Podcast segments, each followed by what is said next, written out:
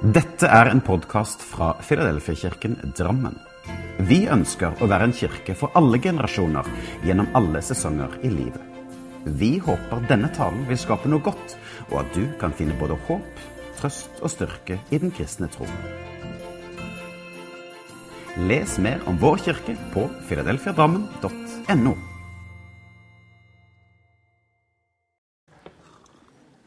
All right. For eh, dere som ikke veit hvem jeg er, så heter jeg Nils. Jeg eh, jobber her i menigheten ved Ungdommene, hvilket er utrolig morsomt. Yes, det er noen her i dag. Vi er eh, Nå på fredag så var det Anne Merete som prekte. Da var vi 70 ish. Vært på et snitt under høsten på litt over 70 ungdommer, hvilket er helt fantastisk. Og nå i dagene driver vi og planerer hardt, for vi skal da på vinterleir til Bulgaria under vinterferien. Så er det mye som skjer, hvilket er utrolig morsomt. Jeg er også født oppvokst i Sverige. Jeg pleier egentlig å dra en spøk med at vi kan fikse oversetting der nede, men jeg, jeg føler det begynner å bli litt gammelt nå. Eh, jeg håper jeg er blitt såpass god på, norsk nå, så dere kan skjønne hva jeg vil si i dag. Eh, jeg er oppvokst ute på bondelandet. Og når jeg pleier å si det til ungdommene at jeg er oppvokst på bondelandet, så pleier de si ja, det er jeg òg. Jeg kommer fra Kokstadelva. Men sånn, For at de helst skal skjønne hvor mye på bondelandet virkelig er, så pleier jeg å vise dem Instagram til faren min. For Jeg tok eh, sjekke litt opp på, på Instagram der, og det viste at det er ett og et halvt år siden faren min la ut et bilde på meg. Og På den tiden hadde jeg rekt å legge ut to bilder på søstera mi, fem bilder på moren min og 80 bilder på kuene. Og det er ikke spøk heller. Det er helt seriøst. Så, um, så mye på landet jeg er oppvokst. Og Noen ganger når man skal dra hjem til noen, så har et hus og hjem med en viss lukt. Så jeg drar på Kondre til Odd og Oddrun, så lukter hjemmet deres huset deres på en viss måte. Leiligheten til Anne Merete så lukter det på en viss måte. Hvis du går inn til leiligheten til Andreas, så lukter det Grandis. Eh, og, og, lukten som jeg er oppvokst med i mitt barndomshjem, det er bæsj. Det er på gård, liksom, så det åpner døra når jeg kommer hjem, så lukter det bare bæsj. Nydelig. Yes, i hvert fall. Hæ? Mer kumøkk? Ja, ja, kumøkk. Men det er bæsj, det òg, da. Det går under bæsj. Det går under bæsjkategorien, da. Så det er melkeproduksjon vi har. Litt over 100 dyr, så det er, det er stort. All right. Overskriften jeg begynte med når jeg skrev denne preken, er 'Ting tar tid'. Det er Petter Stordalen som jobber veldig mye ute for det, med at ting tar tid. og sånne greier. Det er det om mandager han pleier å snakke om. Um, og tenkte vi skulle snakke litt om tid. Så må vi begynne å snakke om Moses.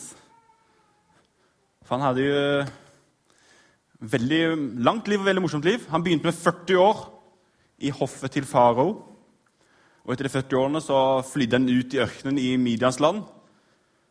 Der han eh, slo seg ned, fikk seg dame, begynte å geite og greier. Så jeg tror han var der ish i 40 år. Og Etter hvert der så fikk han et uh, kall. Og Han skulle tilbake igjen inn i Egypt. Og at han skulle lede ut Israels folk fra Egypt inn til Det hellige land. Og Vi skal begynne i andre Mosebok, kapittel 14, vers 10-12.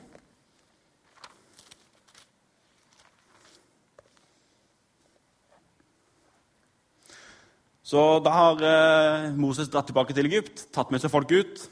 Og så står de eh, har de Faros her bak seg, og så har de vannet foran seg. Da står det i vers 10. Da faren nærmet seg, så Israels barn opp og fikk øye på egypterne som kom rett etter dem. Da, Israel av, da ble Israels barn grepet av stor redsel og ropte til Herren. Og da sa det til Moses.: Fantes det ikke graver i Egypt, siden han har ført oss ut hit for at vi skal dø i ørkenen? Hvorfor har, de, hvorfor har de gjort dette mot oss og ført oss ut av Egypt? Så de har bedt og mast så lenge til Gud om at de skal finne komme en mann som kan ta og lede dem ut av Egypt. Når vel kommer en mann, så tar de ut, så begynner de å klage over Vi, vi ville jo være i Israel likevel. De har bedt om det så lenge at vi ville ut av Israel. Helt plutselig når han står der og det liksom begynner å bli tøft, så begynner han nei, men vi ville vært igjen i Israel. Der vi kunne dø i Israel, eller i Egypt, mener jeg. Selvfølgelig Egypt. Vi kunne dø i Egypt i stedet. Vi, vi hadde det fint der. Men så kan dere historien med hvordan Moses da reiser staven sin, deler havet, går på en torrbånd gjennom havet og kommer ut på andre siden, og ser hvordan bølgene tar hele faraos her. Og Hvis vi ser i andre Mosebok, kapittel 15, og begynnelse der, på vers 1, så står det da sang Moses og Israels barn denne lovsangen for Herren. Jeg vil lovsynge Herren, for han er høyt opphøyet. Hest og grytte styrtet han i havet. Og så fortsetter den. Så jeg blir sånn, ja, men Nå er vi kjempeglade. Vi er glad for at vi dro ut fra Egypt. Kjempegira. Går vi videre sen, til kapittel 16, vers 2, bare på andre siden. Og så står det at og hele barns menighet knurret mot Moses og Aron i ørkenen. Israels barn sa til ham om vi bare hadde fått dø for Herrens hånd i landet Egypt, da vi satt ved kjøttgrytene og da vi åt brød til vi var mette. Nå har dere ført oss ut ørkenen for at hele når det førtes ut i ørkenen for at hele folkemengden skal dø av sult. Da sa Herren til Moses.: Se, jeg vil la brød regne ned fra himmelen til dere. Folket skal gå ut og sanke for hver dag det dere trenger. Slik vil jeg prøve dem, om det vil følge min lov eller ikke. Og så står det den sjette dagen skal jeg lage til det som du har hatt med hjem. Og det skal være dobbelt så mye som dette ellers sanker for hver dag. Så da begynner han å bli liksom, litt irritert på den. Da har vi overlevd, men nå har vi ikke noe mat. Så da, Gud, liksom, da la han, gir han mat, da. noe manna, og så sier han at Det skal gå ut hver dag. Seks dager. Ta med mat inn. På den sjette dagen skal dere få dobbelt så mye mat, så de, og så skal dere lage det opp så dere har mat til sabbaten. Så de skal ikke trenge gå ut da. Det er ikke lov. Det Skal være sabbat, da skal dere slappe av. Hvis vi leser i vers 27 og så er det likevel gikk noen av folket ut den sjuende dagen for å sanke. Men det fant intet. Da sa Herren til Moses.: Hvor lenge vil dere nekte å holde mine bud og mine lover? Så etter at, han, etter at han, Gud har tatt dem ut av Egypt, han har tatt dem gjennom vannet, han har latt mat regne der, så stoler han fortsatt ikke på når han sier den, den syvende dagen skal de ikke gjøre noe. Da skal dere ha nok med mat over fra den sjette dagen til den syvende. Men allikevel klarer de ikke av å stole på Gud såpass mye Og I kapittel 32 så kommer kronen på verket med gullkalven, hvordan går, Moses, går opp, meg, Moses går opp på Sinai fjell. Når han kommet tilbake, så har de lagd en gullkalv. Og Da blir han så, så sinna at han tar og kaster steintavlene som han har fått fra Gud, i bakken. Ødelegger, ødelegger um, gullkalven. Og så står det i 2. Mosebok 32 og 9. Så sier Herren også sa Herren til Moses.: Jeg holdt, holdt øye med dette folket og sett at det er et hardnakket folk. Så det som egentlig ikke skulle være en 40 år lang tur fra Egypt til Det hellige land, det som egentlig, egentlig ganske, ikke, ikke, ikke kort, kort, men på en måte, det burde i hvert fall ikke ta 40 år. Men når det kommer ut dette starten på reisen, så ser Gud allerede men de er ikke der jeg trenger at de skal være for å kunne komme inn i det hele land. De stoler ikke på meg. De hører ikke på hva jeg sier. De stoler ikke på Moses, som er min utvalgte leder, som taler med min stemme. Så noen ting måtte skje. Og det som skjedde, var 40 år i ørkenen. Hvis vi hopper hele veien frem til 5. Mosebok, 34.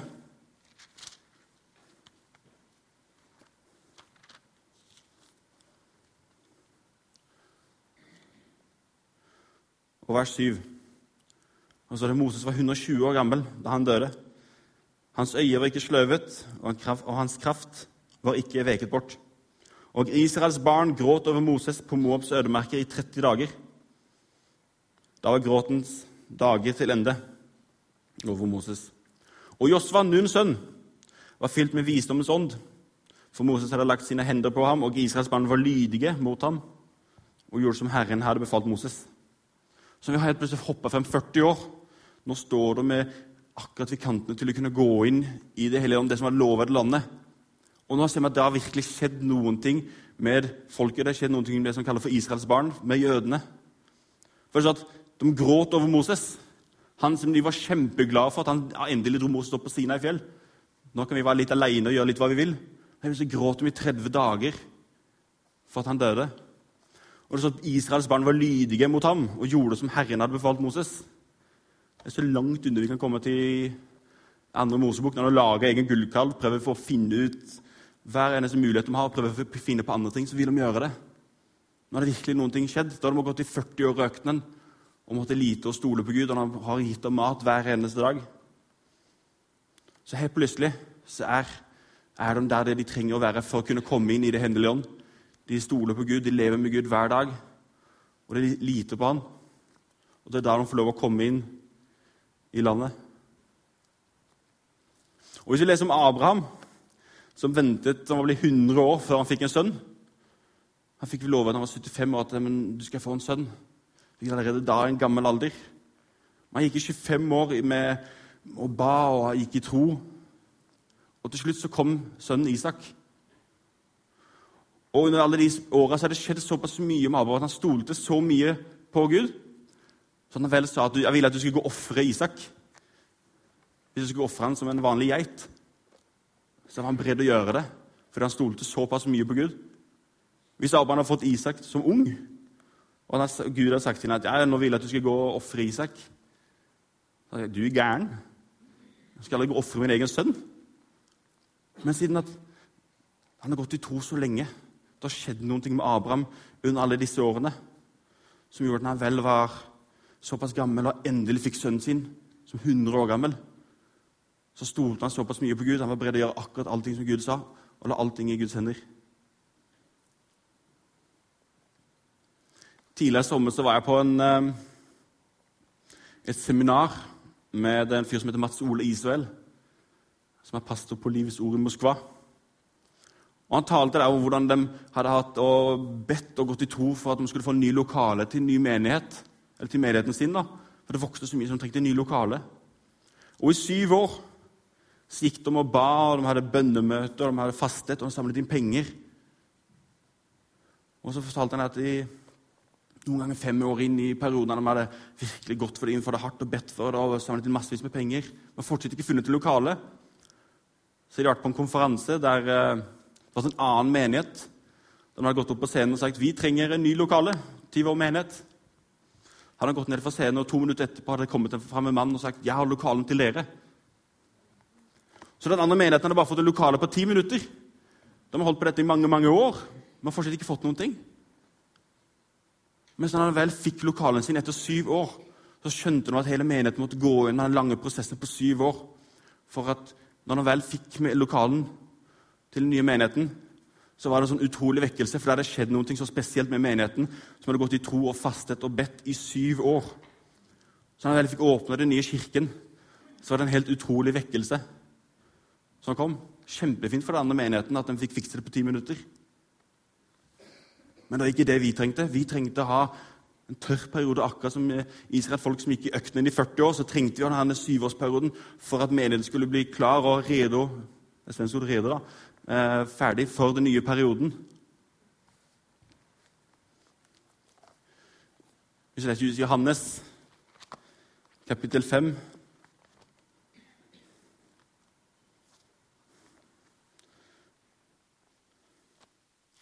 Johannes kapittel 5, vers 1-16. Ser det når Jesus helbreder en syk mann i Betesta. Etter dette var det en av jødenes høytider, og Jesus dro opp til Jerusalem. Ved saueporten i Jerusalem er det en dam som på hebraisk betyr Betesta. Den har fem søyleganger. I disse lå det en mengde syke, blinde, lamme, vanføre som ventet på at vannet skulle bli satt i bevegelse. For en engel steg fra tid til en annen ned i dammen og rørte opp vannet. Den som da først steg ned etter at vannet blitt opprørt, ble frisk, var sykdom han så led av. Det var en mann som hadde vært syk i 38 år. Jesus så ham ligge der og visste at han hadde vært syk i lang tid, og han sa til ham, 'Vil du bli frisk?' Den syke svarte ham, 'Herre, jeg har ingen til å kaste meg ut i dammen når vannet blir opprørt.' 'Og i det samme jeg kommer, stiger en annen ned før meg.' Da sier Jesus til ham, 'Stå opp, ta din seng og gå.' Og Straks ble mannen frisk, og han tok sin seng og gikk. Men det var sabbat den dagen. Jødene sa til ham at han var var blitt helbredet. Det er sabbat, og det er ikke lov, å ta, og det er ikke lov til å bære sengen. Men han svarte til dem, 'Han som gjorde meg frisk, sa til meg:" 'Ta din seng og gå.' Det spurte ham, 'Hvem er denne mannen som sa til deg:" 'Ta den og gå'? Men han, men han som var blitt helbredet, visste ikke hvem det var, for Jesus hadde trykket seg tilbake da det var mye folk til stede. Senere fant Jesus mannen i tempelet og sa til ham, 'Se, du er blitt frisk. Synd ikke mer for at ikke noe verre skal hende deg.' Mannen gikk bort, og han førte, fortalte til jødene at det var Jesus som hadde gjort ham frisk. Og Derfor forfulgte jødene Jesus, fordi han hadde gjort dette på en sabbat. Så det jeg leser at Jesus er på vei til en fest, og så er det akkurat som han bare, ja, men jeg stopper innom det andre stedet dammet ved Betesta. Så akkurat som han går innom der, så ser han denne mannen som ligger der, som han vet om er syk lenge. Og spør han, vil du bli, vil du bli frisk. Ja, selvfølgelig vil jeg bli frisk. Stå opp, ta din ting og gå. Og så har vi da disse jødene som blir oppgitt. Ikke fordi at han nødvendigvis har helbredet mannen, fordi at han gjorde det på feil tidspunkt. Alle andre dager i uka, men ikke akkurat nå. Som ikke er oppgitt fordi han har blitt frisk eller at han har blitt, hel har blitt helbredet, men oppgitt fordi han gjorde det på feil tidspunkt. Jeg kan si med hånda på hjertet mitt at jeg har, jeg har vært i den situasjonen som jødene er så mange ganger selv. Det er ikke oppgitt på Gud fordi han har gjort noen ting, Vi er oppgitt fordi at det har ikke skjedd på rett tidspunkt. Det som jeg i mitt hode mitt liv tenker at det her må være rett tidspunkt for at det her skal skje.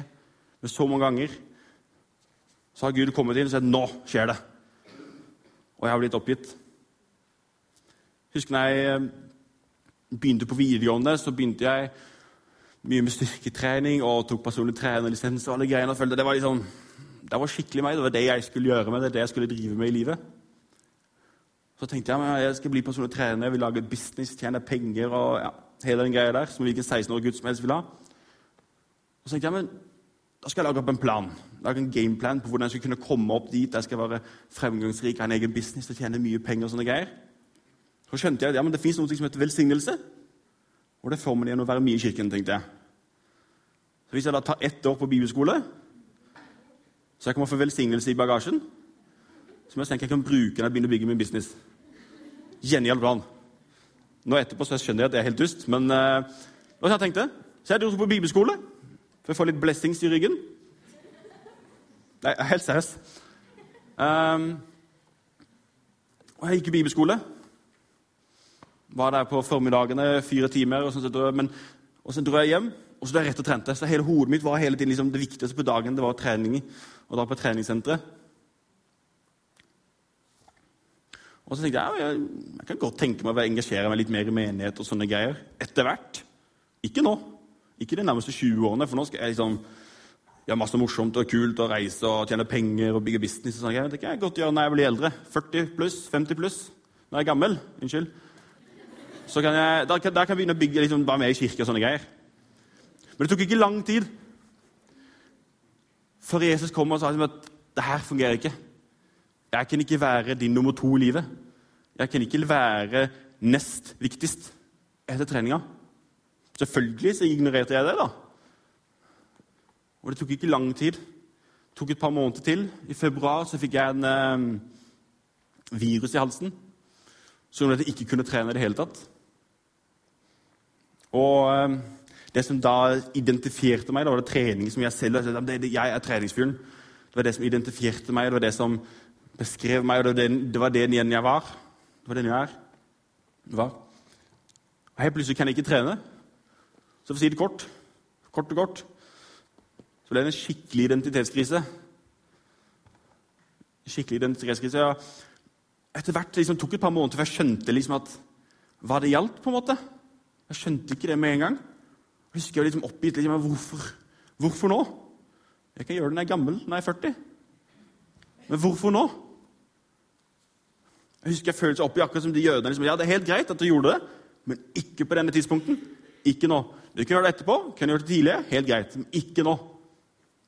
Og jeg kjenner det så mye. Jeg var så oppgitt på liksom at ja, men, jeg har lagt opp en plan. En kjempebra plan. Vanntett. Kan det ikke gå feil?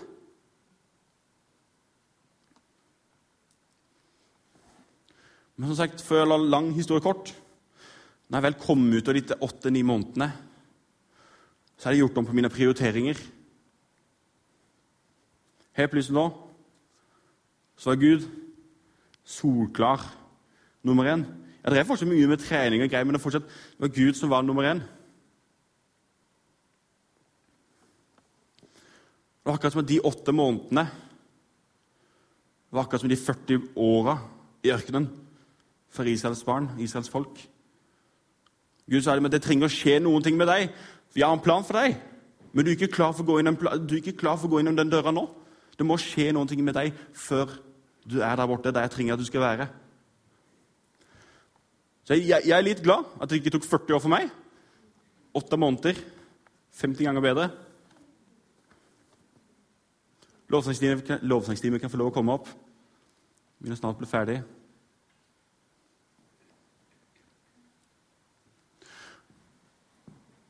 I apostelgjerningene 27, 22, så står det om hvordan Paulus endelig fikk begynne sin reise til Roma. Noe han har snakka om så utrolig lenge. Han ville til Roma og greier. Og endelig fikk han lov å komme dit på litt Kanskje ikke akkurat slik han hadde tenkt seg, men uh, han fikk begynne reisen dit. Som han var så glad over. I vers 20 så leser vi om at uh, han kom i en storm.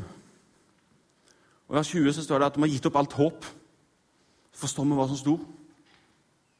Og det slutter med at eh, hele følga de, de havner på Malta. Av alle steder. Og jeg tenker Det er så utrolig lett for Paulus å gå rett ned i kjelleren og bli lei seg, irritert på Gud. Liksom, jeg kan godt dra til Malta, men ikke akkurat nå. Jeg kan godt ta Malta på vei tilbake til Roma, men nå vil jeg til Roma.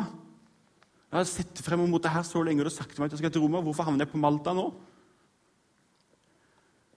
Men han begynner å se seg om.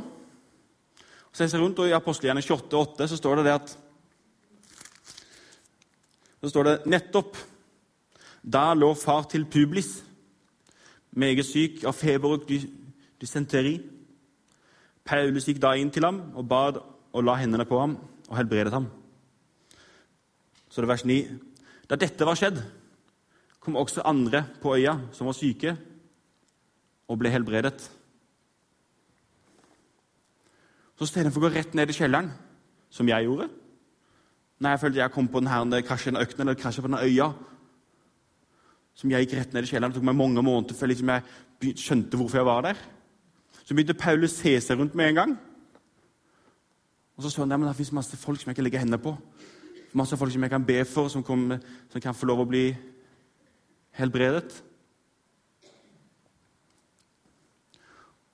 Og akkurat som mannen i Betesta, som Jesus kom helbredet, som har sittet der i 38 år og stirra på vannet Kan jeg ikke miste det? Jeg må se når vannet begynner å stirre opp, så må jeg være først i. Så jeg er der i 38 år og har sett på det vannet og sett på denne døra som heter vannet i Betesta. Det er der jeg må inn for å kunne, kunne bli helbredet, for å kunne få meg tilbake i mitt vanlige liv igjen. Men akkurat som da Paulus da Paulus så så så han folk som han kunne få be for. Da mannen i Petesta begynte å se seg rundt, så så han Jesus. Så var det en helt annen dør enn han egentlig hadde tenkt seg. Døra som Paulus hadde tenkt seg inn, det var døra til, gjennom Roma. Det var døren til Roma. Jeg ble stå ved døra ved Malta og gikk inn i noen der.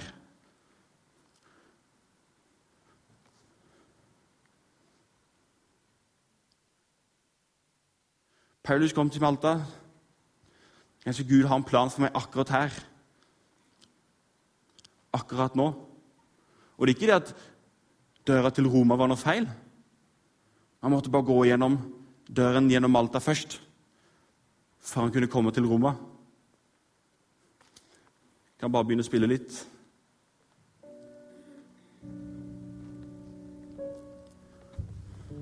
Og jeg tror når jeg flytt, vel flyttet hit til Norge etter hele den store identitetskrisen og greier, så begynte jeg å jobbe på treningssenter og trente mye og greier. Men mine prioriteringer var jo helt annerledes. Det var fortsatt Gud som var nummer én.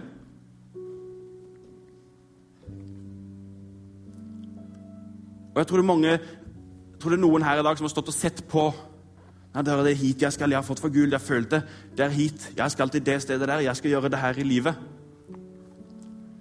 Men kanskje du må Se deg rundt, gå gjennom en annen dør først.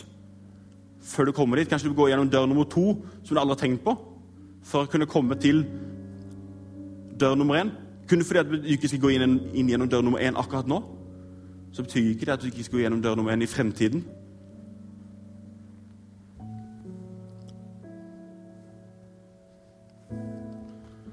Jeg tror det finnes noen som er her som føler at de har gått i ørkenen i 40 år, akkurat som Israels barn. Eller kanskje i åtte måneder, som jeg gjorde i Uppsala. Eller kanskje du føler at du som Paulus som akkurat krasja på, på Malta. Du hadde denne store visjonen med føret eller ikke hva som helst, og helt plutselig gikk allting rett ned i dassen. Føler, hva, hva, hva, skjedde nå? Hva har skjedd med hele planen? Hva skjedde med døra jeg skulle gå inn i, med livet mitt som jeg skulle gå inn i, kallet som jeg skulle gå inn i? Jeg tror Gud vil kalle deg inn gjennom en ny dør. Og tidligere jeg satt oppe på kontoret tidligere i dag og leste det siste, så følte jeg Gud talte meg at det er noen her i dag som fikk, fikk et kall for lenge siden om at du skal gå gjennom dit, du skal gå dit, og du skal gjøre det her. Men at han selv har følt at det er ikke det er ikke rett tidspunkt enda. Det er ikke tid enda. Jeg er ikke helt der jeg trenger å være for å kunne komme dit, for å kunne gjøre det. Men så følte jeg bare Gud si til meg at tiden er inne nå. Nå er rett tidspunkt. Jeg har ikke peiling på hvem det er, men jeg følte så sterkt. Det var Gud som sa til meg at hvem du nå enn er, så føler man har fått det for lenge siden. Og det legger på hjertet deres i mange mange år at de skal gå inn i et nytt type av kall eller en ny, ny kallelse. De ikke helt har turt det ennå, for vi ikke helt hvis tiden er riktig, eller hva, hva som kan skje.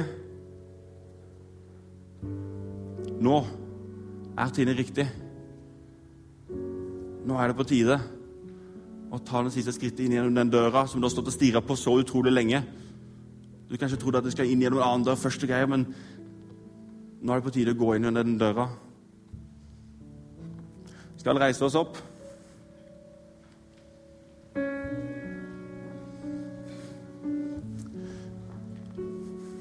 Så ber vi. Takk, kjære Jesus, for at du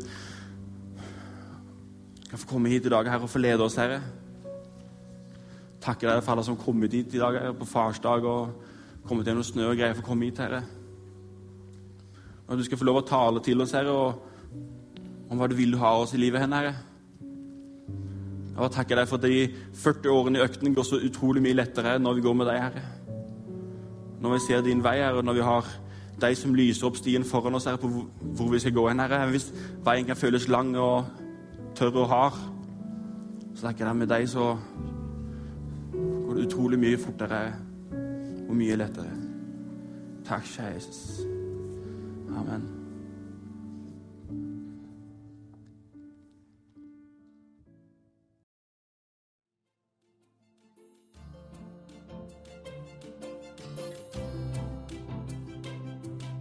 Som en avslutning på denne podkasten ønsker vi å lyse Herrens velsignelse over deg.